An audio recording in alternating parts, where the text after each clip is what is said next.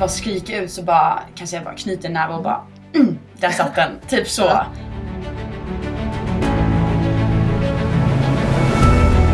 Hej och välkommen till Mentala Mästare. Podcasten om mental träning och om den mentala styrkan i att prestera när det gäller.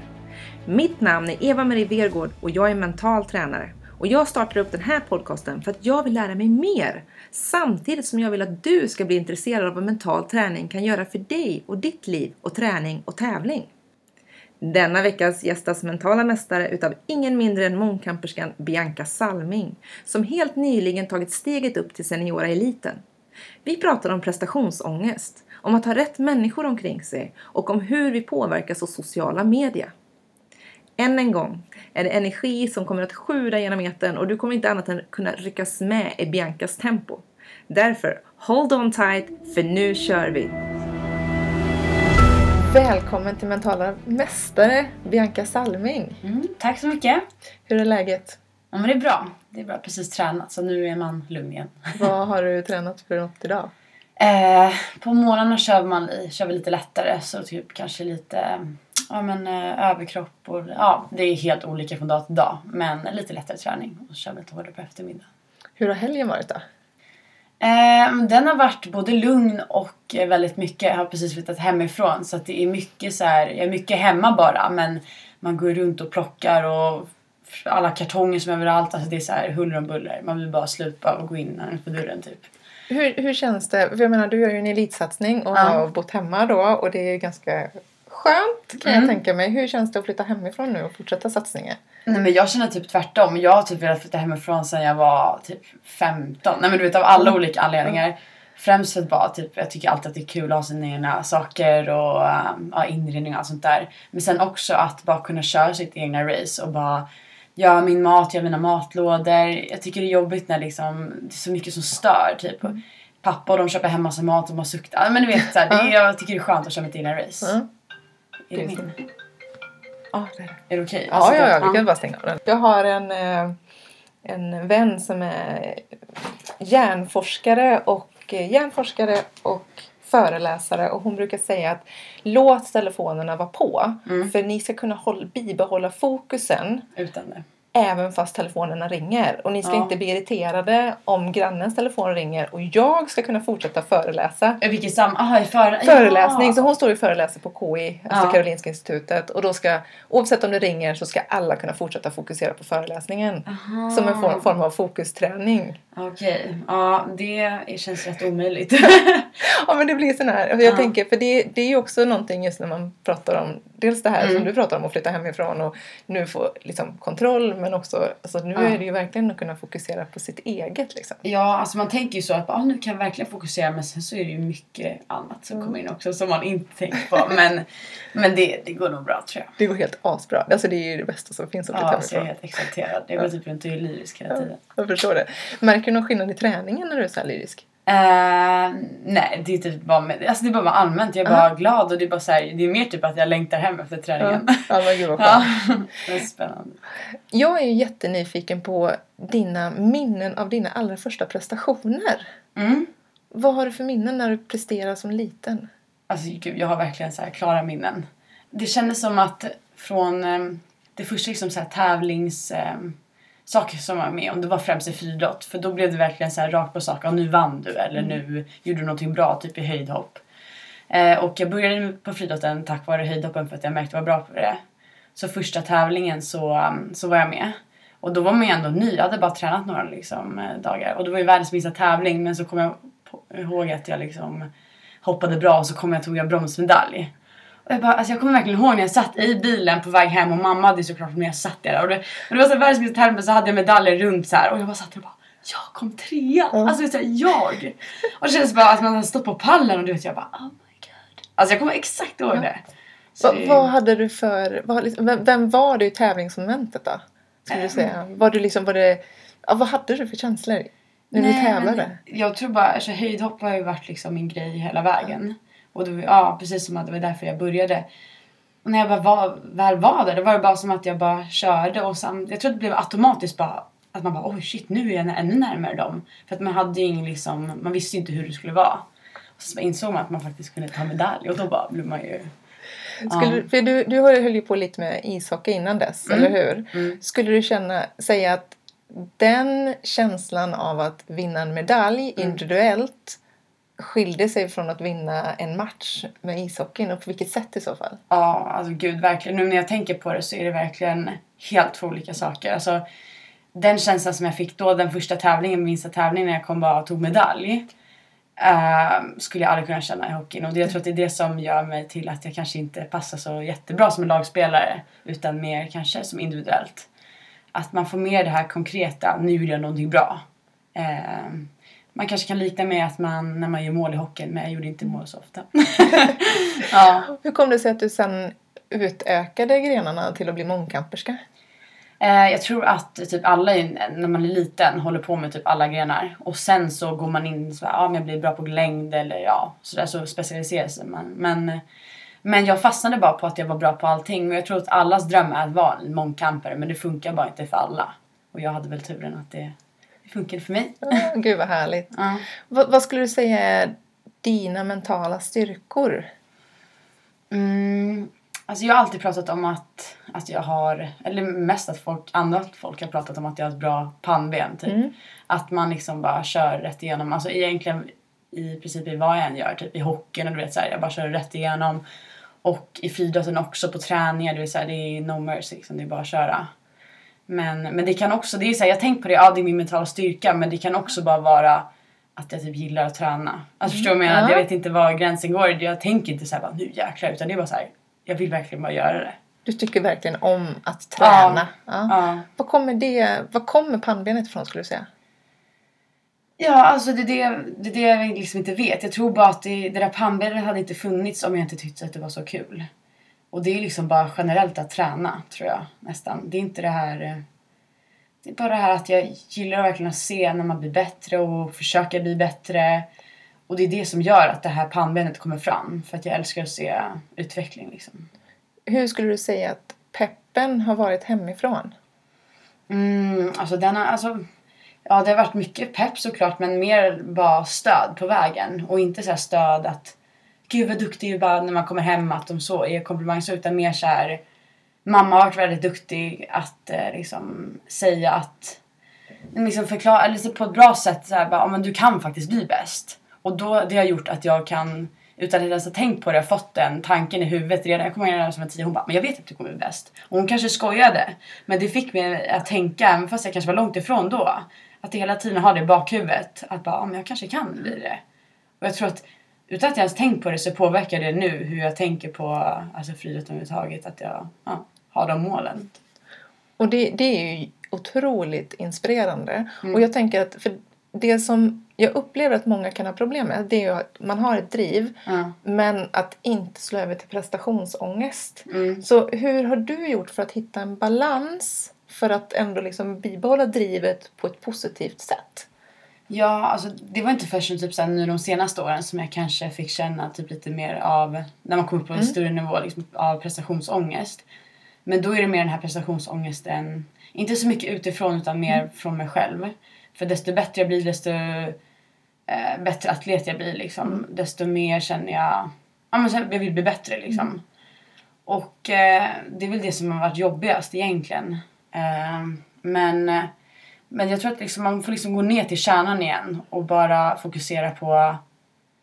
Jag tror att i grund och botten handlar det om att man börjar jämföra sig med andra. Det är där det har varit hos mig i alla fall. Jag jämför mig så är mycket på liksom, ja men vad är hon? Så här, bara, jag måste slå henne. Men egentligen bara gå till grund och botten och bara, jag kan inte påverka någon annan än mig själv. Och, då, och det är det som gör det lättare. Då liksom tappar jag den här ångesten. Utan det bara, ja men så länge jag gör det bästa jag kan. Och jag liksom bara tänker på mig själv så kan jag inte göra något mer.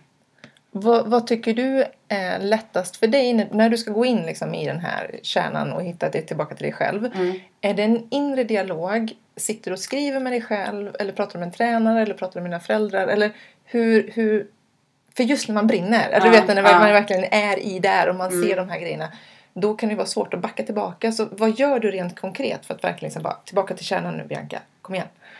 Ehm, ja, alltså det här tipset som jag fick, Mm. eller, det var faktiskt från, du vet säkert vem det är, Kjell Enhage. Ja, mm, mm. För att jag träffade han ett par gånger och eh, det var just då, för att jag upplevde mycket det här eh, typ inför, om jag vunnit SM-guld. så, ja, så är det, kommer SM igen typ i mångkampen då och då känner jag den här ångesten som kommer och bara fy fan jag måste vinna. Ja, du vet så här, bara, men då får man, kommer den här ångesten. Och innan jag träffade honom så visste jag liksom inte vad jag skulle ta mig till.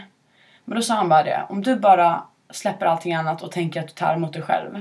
Att om du, om du bara liksom, om jag, det är så jag löst Ja. mitt problem. Ja. Att jag bara tänker att om jag bara försöker persa och att hela tiden bara tävla mot mig själv.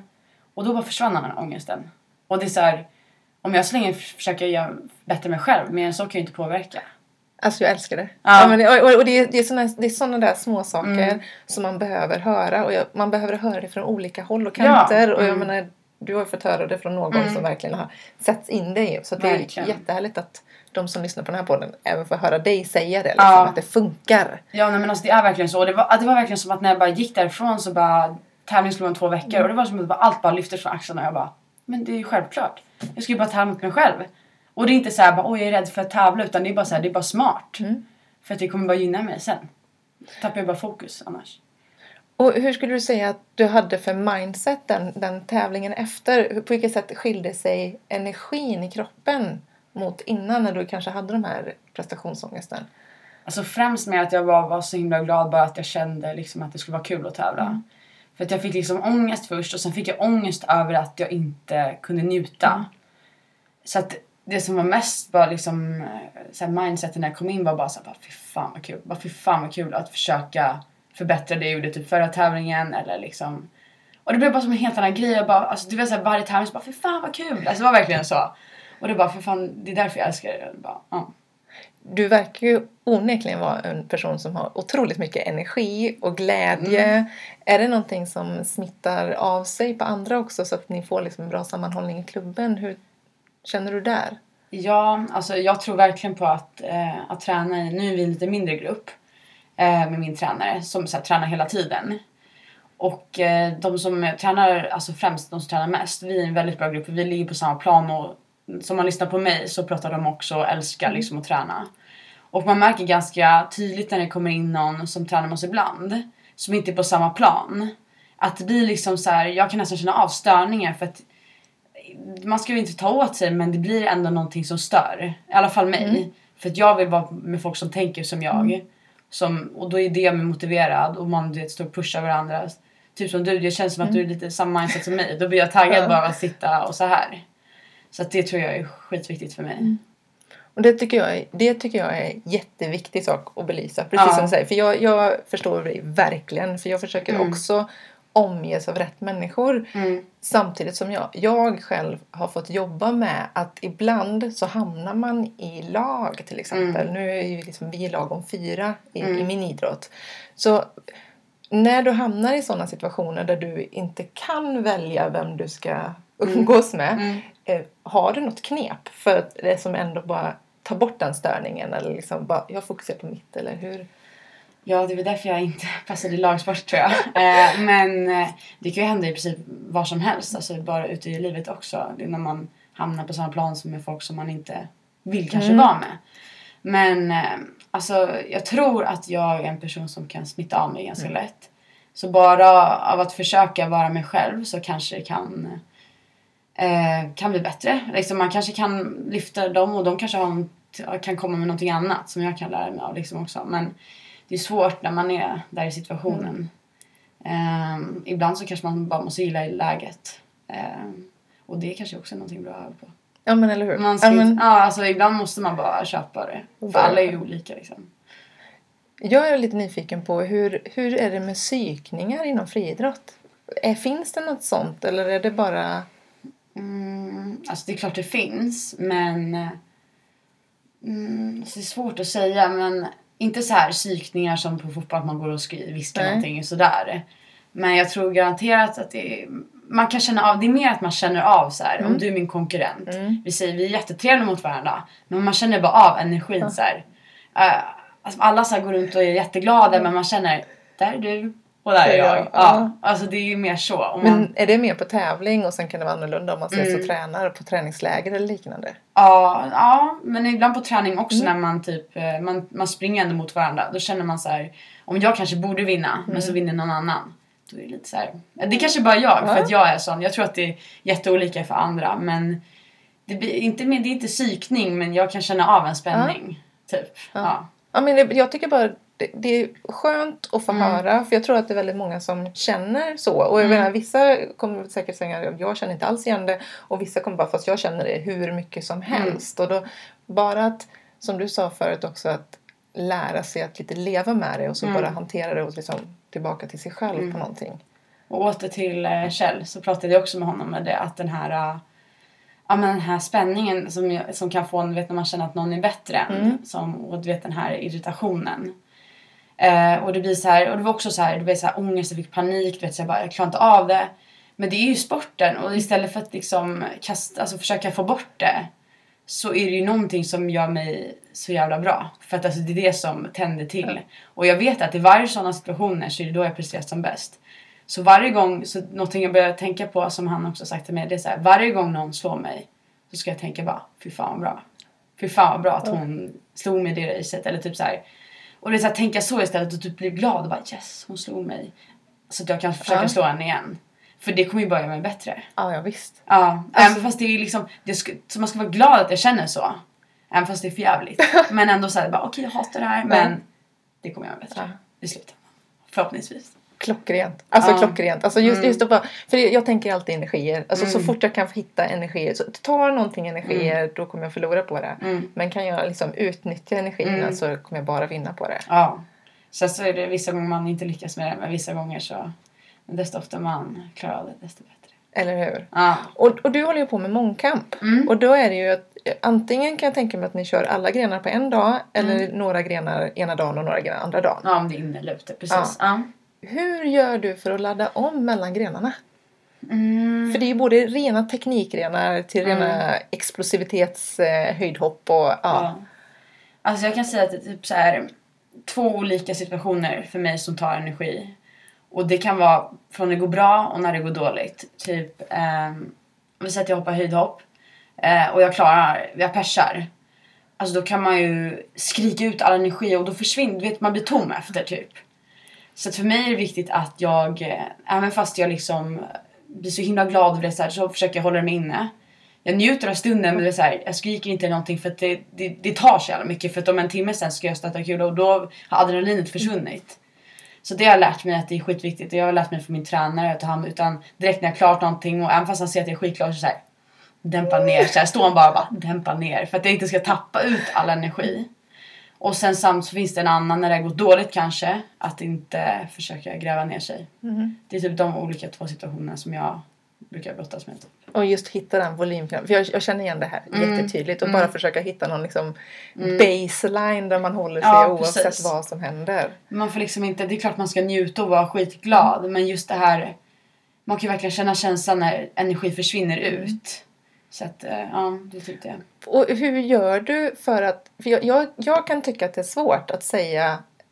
För jag håller helt med dig. Man, ska fira, man kan fira liksom på kvällen Ja. efteråt. Mm. Eh, men hur, hur gör du för att liksom bara svälja glädjen och bara okej jag persar precis, Mm. det är asgrymt men jag måste ladda om. Alltså, ha- har du liksom någon tanke eller går du till din tränare och gör en liten analys, bokslut eller har du något knep för att liksom bara Nej men jag tror inte att det alltså, jag vet inte om jag har något kn- knep utan det är mer bara så här istället för att bara skrika ut så bara kanske jag bara knyter en näve och bara mm, där satt den. typ så. Ja. Och det är så här, då känner jag direkt bara det behöll energin lite mer. Jag försöker hela tiden flytta mitt fokus på nästa för att jag försöker hela tiden tänka så här att ja, jag kanske persar och det är ju skitbra.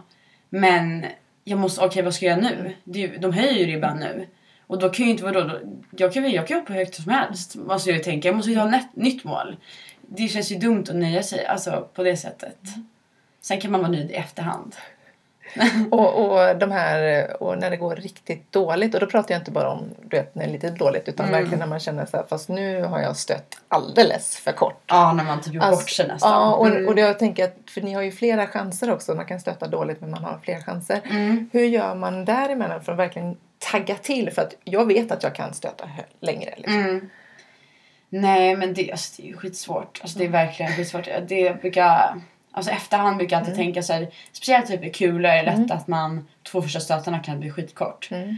Men då så här, i efterhand så har jag det är inte ofta jag kommer på det just i stunden för att man är alltid så Mm. nervös. Men i efterhand så är det så här.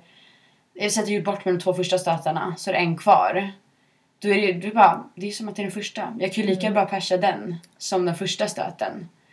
Men så tänker man ju inte för att man blir så himla nervös och att det är sista. Men jag kan ju göra exakt samma stör som i första. Så det är så här. På det sättet är det viktigt för mig att man klarar det första. Men om man inte gör det så måste man ju tänka ändå så att ja, det har ju faktiskt. Det spelar egentligen ingen roll. Men ja. Hur mycket, har man, hur mycket kan man ta hjälp av sin coach i det här läget? Kan, kan man be coachen att kan du säga det här och påminna mig själv? Eller Mm. hur mycket sånt kan man ta till hjälp till? Eh, nej men som jag sa det där vid höjden typ att han brukar säga bara dämpa ner nu Ja. så här. Så tror jag att vi har ganska samma tänk liksom. Mm. Så att eh, ja men vi tänker ungefär samma sak så att han eh, det jag tänker, ja men precis han kan säkert Mm. påminna mig om det Mm. när jag är där. Eh, så att det, det känns ibland som att vi har samma hjärna Mm. så att vi kompletterar varandra. Ja men det är ju liksom. super. Alltså, för Ja. det, är ju, det är ju liksom det man skulle vilja Mm. Just också med tanke på att spara energi. Att Mm. slippa tänka på det och så bara få en påminnelse så kan man bara Ja. göra någon form av eh, Mm. bokslut innan att det här är mina uppgifter på något sätt. Mm. Vad brukar du göra mellan de olika grenarna? Eh, alltså det beror helt på hur lång tid. Eh, på större mästerskap så brukar det vara mycket längre tid och på typ så här svenska tävlingar går man från gren till gren till gren. Mm. Liksom. Eh, det kan vara allt ifrån fylla på med energi till att eh, kanske lägga sig ner, blunda lite, vila, koppla bort. Jag är inte en person som, jag brukar typ aldrig ha musik för att jag jag gillar, inte att, jag gillar inte att tänka på annat men jag gillar att koppla bort Mm. från eh, Ja, jag vet inte. När man lyssnar på musik känns det som att man kommer bort från, så här, kommer bort Mm. från verkligheten och bara drömmer bort. Jag vill liksom vara i nuet men ändå kanske koppla bort från alla folk som är runt omkring och Mm. så.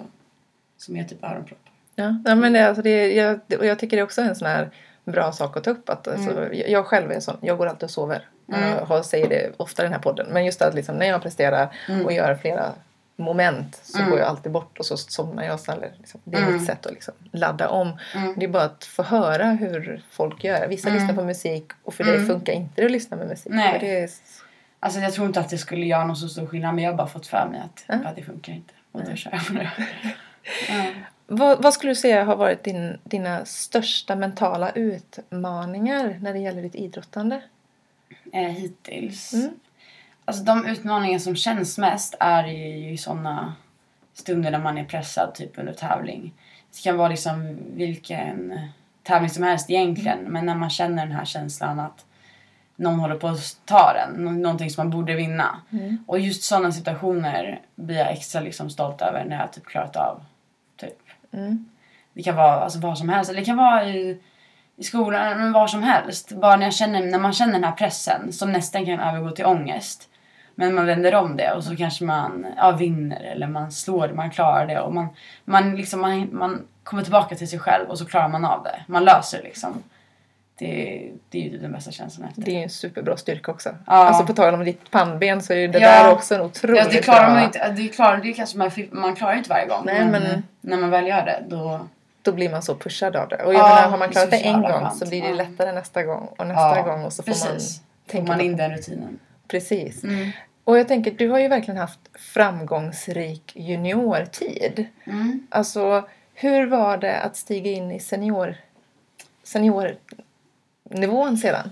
Eh, alltså det är ju typ nu precis. Ja. Eh, men man är ju typ ish lite junior fortfarande. Ja. Men eh, Hur är den känslan? Och vad, vad, är, vad, är det, vad är din största utmaning? Eh, men jag kommer ihåg att vissa tävlingar, eh, framförallt när jag tävlar individuellt, så har jag, utan att jag tänker på det, så har jag väldigt svårt att det är många tävlingar som har gått dåligt när jag kommer på seniornivå. För att jag, jag tror inte att jag trivs i den situationen när jag inte känner mig bäst. Mm.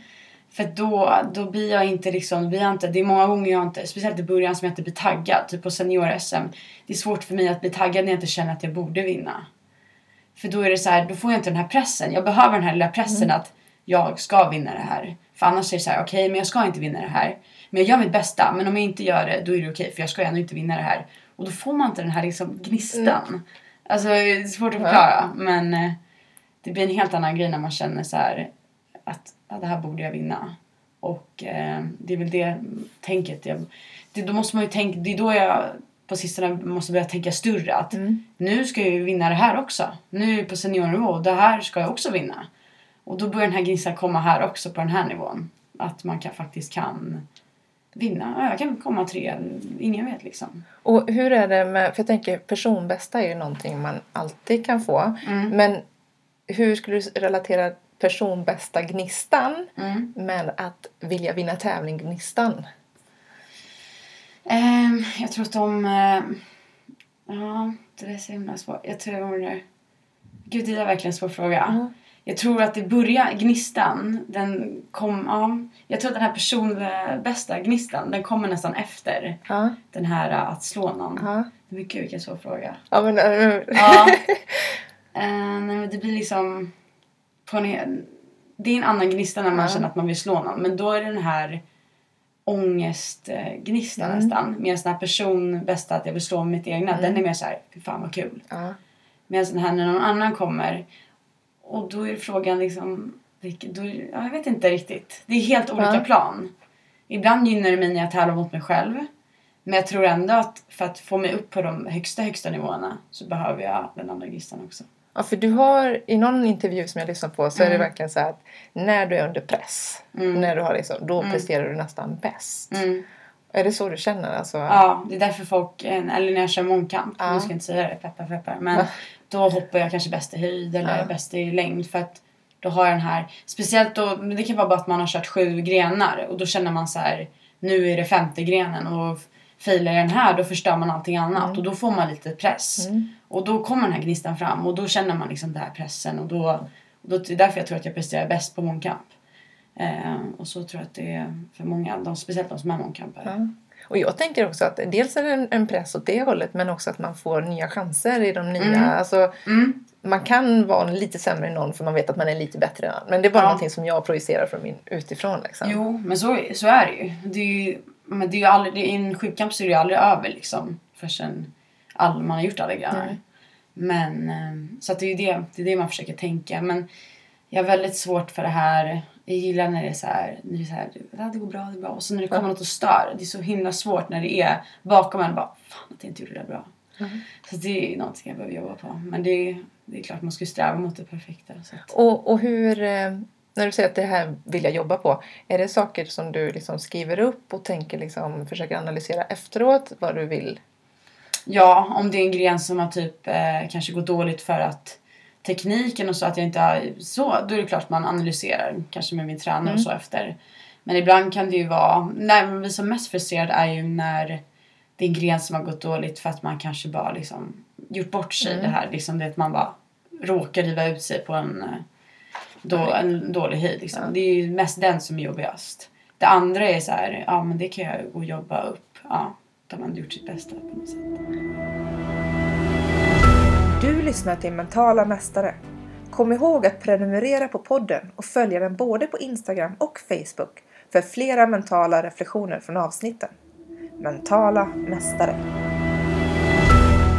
Vilken tävling skulle du säga att du haft mest flow i? Där det bara, du bara, liksom, bara levererar i hela tiden. Det var en ganska skön känsla förra mångkamps-SM. Eh, under sommaren så var jag så här, efter junior-EM och sådär så hade jag tänkt, då var mitt mål den sommaren att jag skulle vinna, typ att jag skulle ta medalj. Och så kom jag sexa och så kom jag sexa i höjd. Vilket eh, som typ du kan säga att jag har varit eh, duktig och ny junior men för mig så känner jag att hela min junior bara varit så frustrerad typ. Mm. Eh, och då var det så himla skönt när jag kom till mångkamps-SM. Och då hade jag den här, det hade inte gått som jag ville och det man hade lite så här, man var irriterad över det. Jag mådde ganska dåligt så här, innan det för att jag hade så här ångest, bara ja, nu måste jag vinna det här också. Och du vet så träffade jag honom och det var då den här uppenbarelsen Ja. kom för mig. Bara, jag tävlar bara mot mig själv. Och just den tävlingen, vet, jag hade inga förväntningar för att jag hade känt mig skit liksom. Och sen så började rulla alla grenar på, du vet så här, jag bara persade nästan på häcken och har inte sprungit ens. Och det var liksom i september. Man ska alla bara, Ja. men mångkast, det kör man bara för att man ska vara sämst då Ja. liksom. Men det bara rullade på, jag persade, hoppade 90 i höjd och det är så här, jag fattade ingenting. Och det var bara så här, jag bara, vad fan hände? Och då säger jag bara, kanske var det tänket, jag vet inte, att jag inte hade förväntningar. Ja. Men det bara rullade på. Och vilket år var detta? Förra året. Det Liksom. var förra året. Ja. Ja. Så vad tog du med dig från det, den känslan in i den här säsongen? Att att... nej men att man liksom inte... Nej, även fast man kanske känner sig som sämst eller typ så har man det fortfarande i sig. Oftast så nedvärderar man sig själv tror jag. Man liksom inbillar sig saker. Bara, men jag är inte i form eller jag är inte... Medan det kanske då man presterar som bäst eller... eh, Ja, eller att bara... Ibland så bara ska man bara sluta tänka. Kan jag Ja. göra. Mm. Det är faktiskt ett väldigt bra tips också. Mm. Ibland så kan det nästan bli lite för mycket. Ja men ibland så bara så tänker man, alltså hela sommaren var det så här, jag hade ett sånt klart mål att det här ska jag, ska vinna det här och bla bla. Och man kämpar hela tiden och sen så bara funkade det inte just då. Och det, alltså, det var inte förgäves att jag tänkte så innan. Men ibland så behöver man bara, okej nu släpper vi. Och så, så då, det är som man krånglar till det så mycket ibland. Typ, känns som. En annan sak som jag funderat på det för jag, jag var jätteimponerad. Det var ju EM nu Ja. nyligen och du blev ju skadad eller du fick Mm. en känning i foten och var tvungen att Mm. bryta. Vilket jag tycker är jättestarkt i den adrenalintanken. Mm. För jag vet ju själv att jag Mm. har tävlat och det har gjort ont men man fortsätter ändå. Mm. Vad fick dig att inte fortsätta utan faktiskt liksom bara stoppa upp i det läget? Men just då var det faktiskt att jag typ nästan inte kunde fortsätta. För att jag, det var ju på morgonen, andra Mm. dagen på morgonen. Och jag provade att springa och provade så här. Och jag hade till, man vet man hade försökt med tejpat och allting. Och jag kände bara att det gör ont och jag kan knappt springa. Och då, det var mer så här, det kommer inte gå.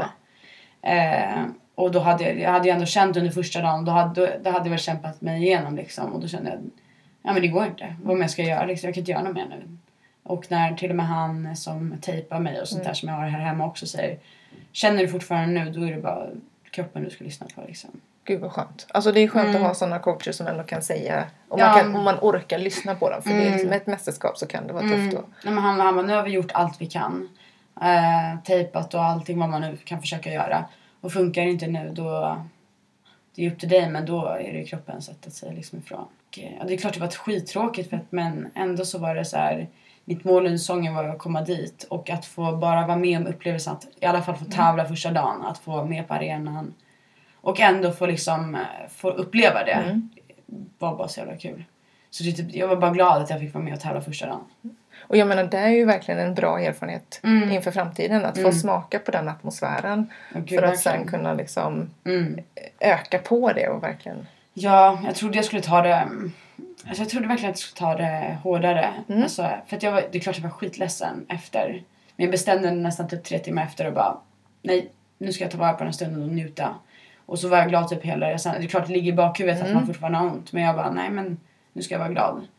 Eh, och sen så nu så eh, kommer jag faktiskt lägga ner säsong, resten av säsongen. Mm. Och jag trodde också att det skulle ta hårdare. Det är klart jag missar mångkamps-SM. SM vill man ju vinna och allting men det, det slog mig liksom nu häromdagen att det är inte det tävlande som jag tycker är roligast utan det är träningen. Och jag tror att det är det som är typ viktigast.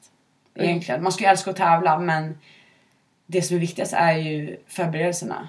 Så att, och älskar man det så tror jag att det kommer lösa sig. Ja men absolut. Och jag menar det kommer ju hur mycket tävlingar som Mm. helst och det är ju bättre att satsa för Ja. framtiden än att liksom Ja. ligga på någon gräns Alltså där. man kan ju inte, man kan inte göra någonting just, alltså, åt saken så att det är bara... Och det är ju jätteklokt. Mm. Alltså det är ju väldigt moget. Tror du att du hade satt, sagt samma sak för typ fem år sedan? Mm, alltså jag har alltid haft väldigt så här, min mamma är väldigt, eh, hon känns väldigt lik dig. Hon är väldigt så här, erfaren och kan Mm. mycket. Och min tränare är väldigt erfaren och kan mycket. Så att med hjälp av andra personer så hade jag nog insett så här, Mm. bara, ah, men nej men det går inte. Och sen så får man bara köpa det. Alltså man kan inte, kroppen gör sitt, alltså Mm. ja. Sen, sen så kanske man kan tänka, vad gjorde jag för att det blev så här? Mm. Så kan man försöka undvika det. Men jag tror ändå att jag hade haft ganska samma tänk. Gud vad skönt. Alltså, och då är vi tillbaka till det här att du har rätt människor omkring sig. Ja, Så gör väldigt mycket. ja gud ja. Mm. Och om vi då pratar om människor omkring sig. Mm. För du är ju uppvuxen med en pappa som också haft en elitsatsning. Mm. På vilket sätt har det inspirerat dig att liksom satsa så som du gör? Eh, alltså från första början så när vi var, var små så har vi alltid varit en idrottsfamilj. Så jag Mm. tror främst att det är det som har gjort att vi liksom blivit idrott. Bara att mamma liksom också varit intresserad av det och pappa. Alltså det är klart. Så det är typ mest det som har påverkat tror jag. Att man får den grunden och sen. Jag vet inte, det är klart det blir ett plus när man känner att eh, man har hela familjen bakom sig liksom. Tror jag verkligen. Jag tror att det generellt är nog en en bidragande faktor om man ska lyckas Mm. inom idrott. Att man Mm. har föräldrar som skjutsar en eller har föräldrar som stöttar en. Ja. Eller, och kanske är positiva när man kommer hem och berättar om hur det har Ja gått. precis, och man inte säger nej men jag kan gå i skolan istället. Nej. Utan min mamma var så jag ska, liksom, min första skola när jag hoppade av, var, mamma sa då skippade jag sko- vissa Mm. lektioner för att gå och träna. Hon bara men du kan inte hoppa av om du vill det. Mm. Och köpa. Du vet, så här, det är som att eh, jag var som tur att de har ett sånt tänk. Och det är, liksom, det är så här, inte alls alla som har det. Så det är så här, ja det är väl tur antar jag. Ja, och så att det passar dig. Mm, alltså, jag, precis. tänker, för vi, jag pratade nyligen just om det här att vi har ju så himla olika tänk så man skulle Mm. verkligen hitta det som Mm. passar en själv om man säger så.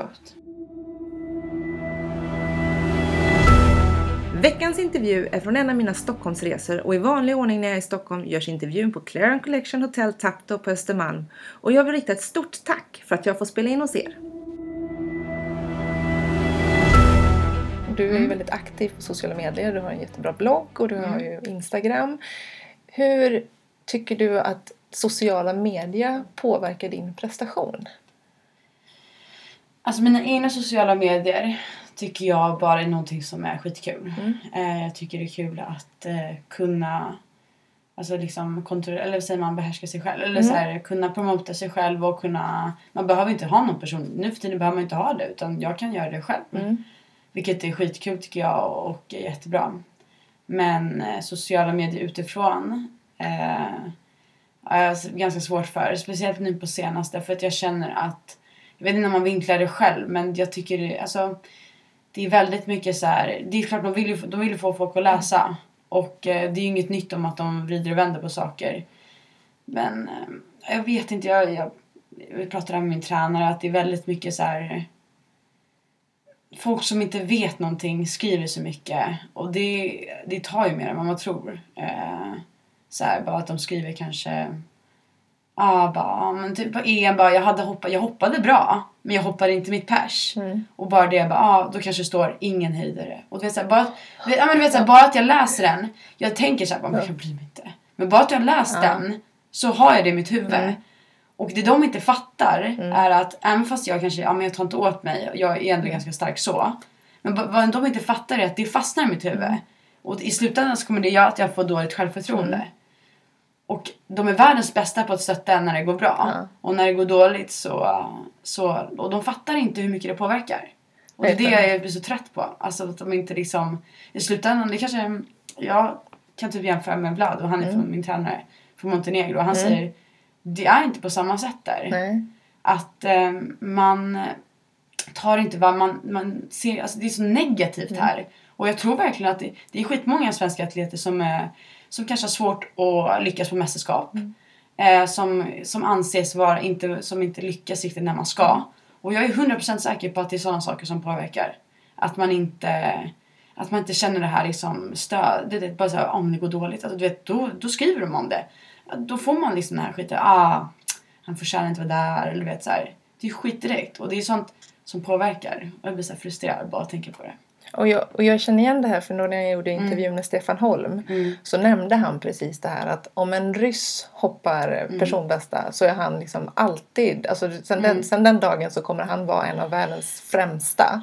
Även i svenska sociala medier. Medan då svenska svenskar kanske då behandlas på ett annat sätt. Liksom Mm. just att det beror lite på Ja. hur det går. Ja. Men vad har du, vad har du då för strategi för att jobba dig igenom det här? Liksom? Är det att inte Mm. läsa det? Eller liksom, för det är svårt också vissa tabloider att inte se dem. Ja, alltså jag har inte tänkt så mycket på det här förrän Nej. faktiskt nu Mm. efter typ EM. Att det verkligen slog mig så här, hur mycket det påverkar. Att det liksom, jag tänkte så här, ibland typ på senaste bara, "Ah, men gud varför har jag blivit typ så här lite svag? Mm. Ibland kan jag känna mig. Och då är det så här, sån, jag känner bara helt klart att det är sådana saker som påverkar mig. Och jag vet inte riktigt hur jag, om jag har listat ut hur jag ska göra för att för att få bort det. För att det är skitsvårt att undvika. Du vet, folk taggar nu, Mm. var som helst. Alltså, det kommer ju upp överallt. Så att eh, jag vet faktiskt inte hur man ska göra. Helst skulle jag bara vilja att de bara slutade skriva. Ja men eller hur. Och jag, Mm. det är då liksom jag tänker just att man kan man hitta en bra strategi Mm. så kan man åtminstone liksom försöka bara backa undan där. Antingen om det är att man inte läser det eller när man väl läser det. Mm.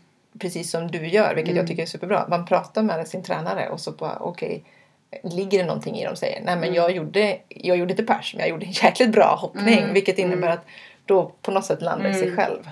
Ja, alltså det, vi kommer ju fram till så här självklara saker. Mm. Att man typ inte ska sitta och scrolla på telefonen Ja. under tävlingarna. Ja. Vilket, jag, eh, vilket jag gjorde då Mm. den dagen. Eh, eller mer att någon taggade mig och att Mm. det kom upp så här. Och, det är bara, och, eftersom det, och eftersom jag känner att det påverkar mig så ska jag absolut inte gå in och göra det. Speciellt inte under tävlingstid. Nej. Och det är ju en superbra strategi. Alltså det är jättebra. Alltså, och jag menar Mm. det är det jag tycker är så himla bra. Att du Mm. verkligen har pratat. För jag tror, att, jag tror det är jättemånga som upplever liknande saker. Och det behöver ju inte ens vara på sociala medier i media Mm. om man säger så. Utan det kan ju Mm. vara på Facebook. Ja. Eh, men att man ligger tyst och så blir det liksom som ett uppdämt lock och så blir man ännu mer och Mm. sen så helt plötsligt så bara briserar det istället Ja. för att bara okej det här är jobbigt, hur ska jag göra? Okej vi, vi löser detta på något Mm. sätt. Liksom. Nej. Så ja, verkligen någonting som påverkar. Mm. Och hur, hur är det med negativa kommentarer på bloggen och sånt där? Har du fått det någon gång? Alltså jag har inte upplevt så mycket så Nej. här hat och sånt än. Nej, men det kommer du inte få. Nej, alltså jag tror att det är lite skillnad på... Alltså jag är ändå en, typ en friidrottare och så här och än har jag inte varit riktigt i sådana sammanhang. Eh, där man kan få mycket skit så. Så att det ska man väl bara vara glad för. Mm. Hur, hur ser... För nu ska du ta det lugnt resten av säsongen. Mm. Och så ska du liksom... För det, det är nästan... Det är väl slutet av er säsong. Alltså ni har SM Ja. och sen är det lugnare. Alltså det, är ju, alltså det var ju verkligen, det är ju verkligen på slutet av Ja. den säsongen nu. Det är några tävlingar kvar. Det är ju bara att det är SM som är lite så störande. Men... Eh, så det är lite, jag känner nu, jag tränar typ bara på mer och Mm. undviker de sakerna som jag inte kan göra. Och hur ser målsättningen ut för nästa år? Ja, ehm, alltså jag är ju skittaggad på nästa år. Det är därför jag bara vill att det här ska gå bra. Eh, det kommer in i säsong och då är det ju alla SM och sånt där. Ehm, och ibland så kan vi nästan diskutera om att det är bättre inomhus. För att det är några sprintgrenar som försvinner och sådär. Ehm, så att ehm, inomhus så är det ju inomhus-EM. I, eh, vad är det nu? Ja, vad fan det var? Glass, vad säger man? Glasgow? Ja. Mm, precis. mm, Så det hoppas jag att jag kanske kan kvala in. Ja. Det finns så här skitroliga mål och sen till utesäsongen så är det ju U- nu är det här J23 Ja. eh, vi som är i Sverige. Mm. Och det är ju skitkul. Så det är ju junior under 23. Och det är ett mål. Och sen så är det alla SM-tävlingar och ja, det är mycket kul. Så du har jättemycket att se fram emot och ja, liksom ändå hoppas på att det blir bra. komma, komma igång liksom igen. Mm. Ehm, finns det något tillfälle där du har tvekat på din idrottskarriär? Liksom, att, du att det är det här du ska satsa på? Nej, eller jo, det är klart. Det är mer att tanken har kommit in. Och så har jag tänkt i typ tre sekunder och sen insett bara oh my god, nej, jag ska aldrig kunna leva utan det. Typ. Eh, det är snarare mer så att jag, jag är en väldigt typ kreativ person. Och jag har hundra miljarder idéer. Som jag tänker att jag kan göra. Du vet, så här, jag vill göra så här, bara, oh, men jag kanske kan ha mitt egna märke någon dag. Och här, man bara, åh, jag kan göra det här. Och det, alltså, vet, jag är överallt och det är så här, ja. Men det är ju bara så här, saker jag bara tänker och drömmer, drömma liksom. Ja. Men ingenting så här att jag ska sluta med friidrott. Nej, och jag menar, där är ju, det, och det är ju, det är ju perfekta. Om man är så Mm. kreativ Mm. så är ju idrottskarriär det bästa sättet att kombinera kreativitet med. Mm. Ja. Egentligen. Ja, gud ja. Ja, alltså det och jag älskar hela det här eh, typiska friluftslivet. Så här, frilufts, alltså när man är på läger. Nej, det är alltså det bästa. Nej, jag vill inte sluta. Men hur, hur, funkar, hur funkar det egentligen med friidrott? För det är ju en individuell gren. Mm. Men alla friidrottare som jag känner, som jag har aldrig tränat Nej, friidrott. nej. Men det känns som att ni har så otroligt stark gemenskap. Ja, alltså det är ju ingen lagsport. Men det är verkligen som en egen, inte en familj, men ett egen liksom värld, Mm. friluftsvärlden. Alltså man, eftersom man inte har, alltså det är verkligen, man har verkligen så många kompisar i friluftsvärlden. Så när man är på läger så träffar man liksom alltid några som är där och man kanske så här, min grupp kanske pratar med någon grupp att bara, "Ah, men vi åker dit tillsammans. Alltså det är verkligen, det är därför det är så rolig sport för det är så här, ja, det, man blir bara glad av att vara i den auran liksom.